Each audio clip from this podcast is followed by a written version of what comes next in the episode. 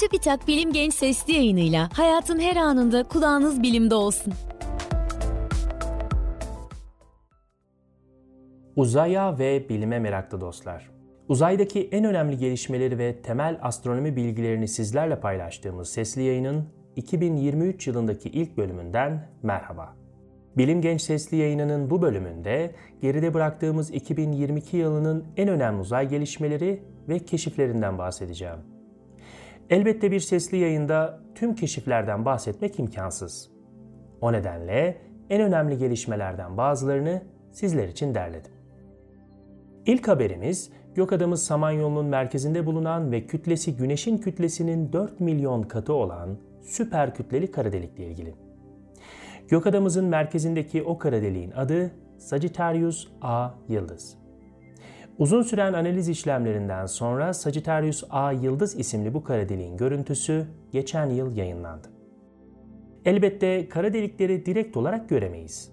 Ancak eğer güçlü teleskoplarınız varsa kara deliğe çok yakın mesafede bulunan gaz, toz veya yıldız içeren madde diskini görebiliriz.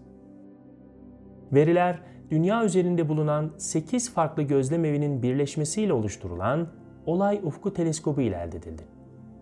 Hatırlarsanız aynı teleskop bizden 55 milyon ışık yılı uzaklıkta bulunan M87 isimli gökadanın merkezindeki süper kütleli kara deliğin görüntüsünü 2019 yılında elde etmişti.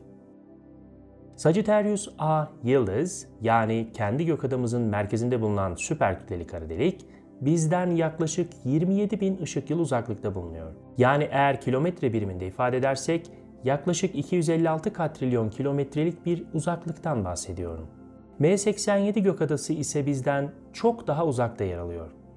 O nedenle M87'nin merkezindeki kara deliği gözlemenin daha zor olacağını düşünebilirsiniz. Ancak aslında kendi gökadamızın merkezindeki kara deliği gözlemek çok daha zordu. Çünkü biz de bu gökadanın içinde bulunduğumuz için gökadamızın merkezi ile aramızda milyarlarca yıldız, gaz ve toz katmanı bulunuyor. Sagittarius A yıldızın görüntüsü 2019 yılında elde edilen kara delik görüntüsüne benzer yapılar içeriyordu. Merkezinde karanlık bir bölge bulunan ve yüksek hızlarda dolanan milyonlarca derece sıcaklıktaki gaz halkası. Geçtiğimiz yıl göreve başlayan James Webb Uzay Teleskobu evrenin en derin kızılöte görüntüsünü elde etti. Webb Teleskobu'nun duyarlı kızılöte alıcıları ve büyük aynası sayesinde sadece çok uzakta oluşu nedeniyle değil, aynı zamanda evrenin genişlemesi nedeniyle ışığı daha sönük hale gelmiş gök adaları gözleyebiliyoruz. Elde edilen en derin kızılöte görüntüsünde evrende oluşmuş ilk gök adalara ait ışığın olduğu düşünülüyor. Webb teleskobu buna benzer derin uzay görüntüleri elde etmeye devam ediyor. İşte o derin uzay görüntülerinden bir diğerinde bugüne kadar gözlenmiş en uzak gökadanın ışığı belirlendi. Gökadanın uzaklığı tayfsal analiz yöntemiyle doğrulandı. Hesaplamalara göre gökada evren henüz 300 milyon yaşındayken oluştu. Evren büyük patlamadan bugüne sürekli olarak genişlemeye devam ettiği için o gökada şu an bizden yaklaşık 34 milyar ışık yılı uzaklıkta bulunuyor. Bildiğiniz gibi ışık yılı ışığın bir yılda aldığı yol anlamına gelir ve bir ışık yılı yaklaşık 9,5 trilyon kilometreye eşittir. Bugüne kadar gözlenmiş en uzak gökadanın keşfi hakkında bir sesli yayın hazırlamıştık. Eğer bu keşif hakkındaki detayları merak ediyorsanız o yayını dinlemenizi tavsiye ederim. Geçtiğimiz yıl bir ilk yaşandı ve en şiddetli gama ışın patlaması belirlendi. Çok yüksek enerji çıkışına sahip bu olayın oluşma nedeninin bir süpernova patlaması olduğu düşünülüyor. Yapılan uzaklık hesabı süpernova patlamasının bizden 2,4 milyar ışık yıl ötede gerçekleştiğini gösteriyor. Gama ışın patlaması o kadar şiddetli gerçekleşmiş olacak ki onca yolculuktan sonra dünya atmosferinin iyonosfer tabakasında belirlenebilecek düzeyde izler bıraktığı belirtildi. Peki nedir bu gama ışın patlaması denilen olay? Dev bir yıldız geride bir kara delik bırakmak üzere devasa kütlesi altında içine çökerken oluşan şiddetli enerji yayımıdır.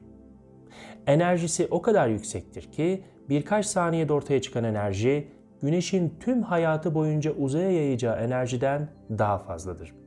Eğer şiddetli bir gama ışın patlaması bize çok yakın gerçekleşirse atmosferimizin üst kısmında bulunan ve Güneş'in mor ötesi ışınımının zararlı kısımlarını engelleyen ozon tabakası ciddi zarar görebilir.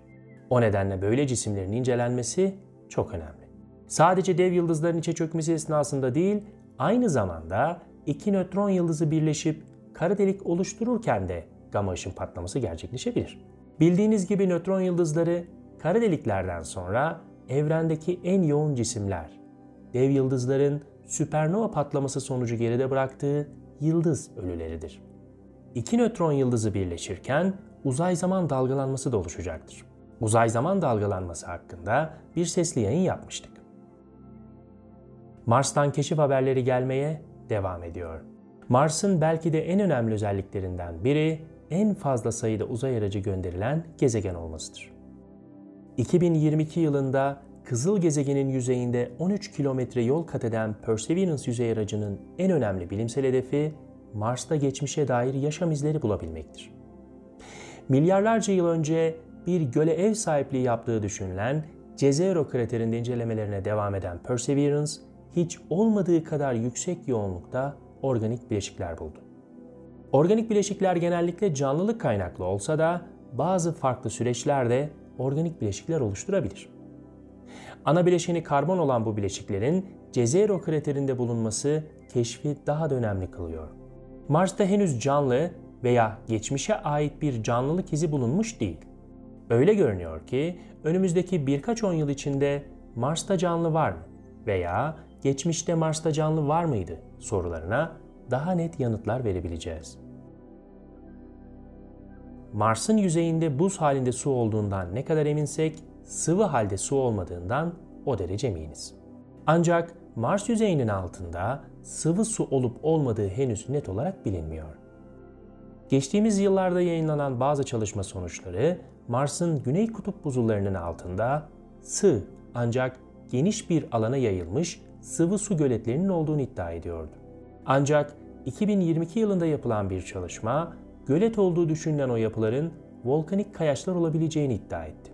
Çalışmanın sonuçlarına göre Mars yüzeyinin altında sıvı suyun varlığını işaret eden radar verilerinin benzeri volkanik kayaçlar nedeniyle de elde edilebiliyor. 2022 yılında yaşanan ilklerden biri de bugüne kadar keşfedilen toplam öte gezegen sayısının 5000'i aşması oldu.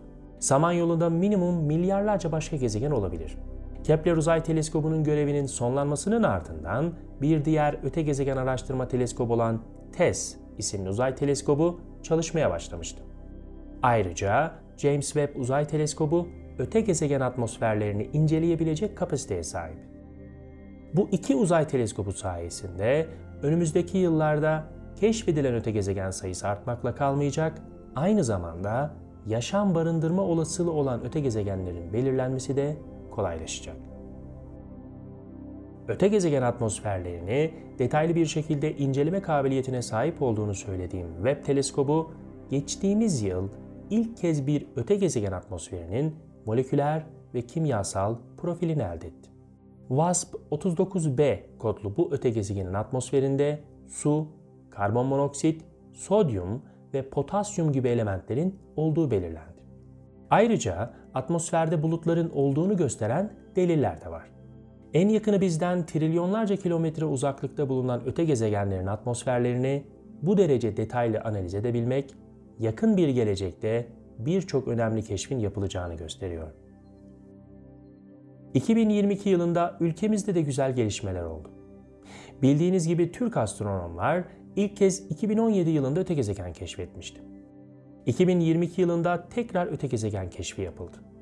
Astronomlarımız bu kez aynı yıldız etrafında dolanan iki yeni öte gezegen keşfetti. Doğu Anadolu Gözlemevi veya kısa adıyla DAG teleskobunun 4 metrelik aynasının montajı 2022 yılında tamamlandı. Deneme gözlemlerinden sonra bu yıl tam kapasite faaliyete geçmesi beklenen teleskop, ülkemizin en büyük optik ve ilk kızılötesi teleskobu ünvanında sahibi. DAG sayesinde birçok gök cismi farklı dalga boylarında gözlenebilecek. Yıldız oluşumundan gökadalara ve öte gezegen keşiflerine uzanan çok geniş bir araştırma alanında hizmet vermesi bekleniyor. Bildiğiniz gibi 1969 ve 1972 yılları arasında 6 görev başarılı bir şekilde ay yüzeyine ulaşmış ve toplamda 12 kişi ayda yürümüştü. Aradan geçen 50 yılın ardından insanlığı tekrar Ay'a götürecek Artemis projesi geçen yıl başladı. Proje kapsamında hazırlanan Orion kapsülünün ve dev roketin test edildiği Artemis 1 görevi başarılı oldu. Ay etrafında iki tur atan Orion kapsülü sorunsuz bir şekilde 11 Aralık 2022 tarihinde dünyaya geri döndü. Sıradaki Artemis 2 ve 3 görevlerinin ise 2030 yılına kadar sonlandırılması planlanıyor. Artemis 2 görevinde Orion kapsülü bu kez boş olmayacak. 4 astronotla birlikte Ay etrafında tur attıktan sonra dünyaya geri dönecek. Artemis 3 görevinde ise insanların tekrar ay yüzeyinde yürüdüğüne şahit olacağız. Artemis projesinin amacı ayda kalıcı yaşam alanları kurabilmektir. Bu sayede önce Mars yolculuğu, daha sonra ise Güneş sisteminin derinliklerine yapılacak yolculuklar için deneyim kazanılmış olacak. Artemis projesi hakkında detaylı bir sesli yayın hazırlamıştık. Eğer bu projenin detaylarını merak ediyorsanız o sesli yayını dinlemenizi tavsiye ederim. Geçen yılın en önemli uzay gelişmelerinden biri de gezegen savunma sisteminin test edildiği DART isimli projenin başarılı olmasıydı. Bu projeye özel hazırladığım sesli yayınımızı Bilim Genç Sesli Yayınları Kütüphanesi'nde bulup dinlemenizi tavsiye ederim. Bilim Genç Sesli Yayınları'nın bir bölümünün daha sonuna geldik. Bu bölümde size 2022 yılında uzayda yaşanan önemli gelişmelerden bir derleme sunduk. Bilim Genç Sesli Yayınları'nın bir sonraki bölümünde etrafımızı saran evreni keşfetmeye devam edeceğiz. Hepinize iyi bir yıl diliyoruz. Şimdilik hoşçakalın. Bilim Genç Sesli yayınlarını SoundCloud, Spotify, Google ve Apple Podcast kanallarımızdan takip edebilirsiniz.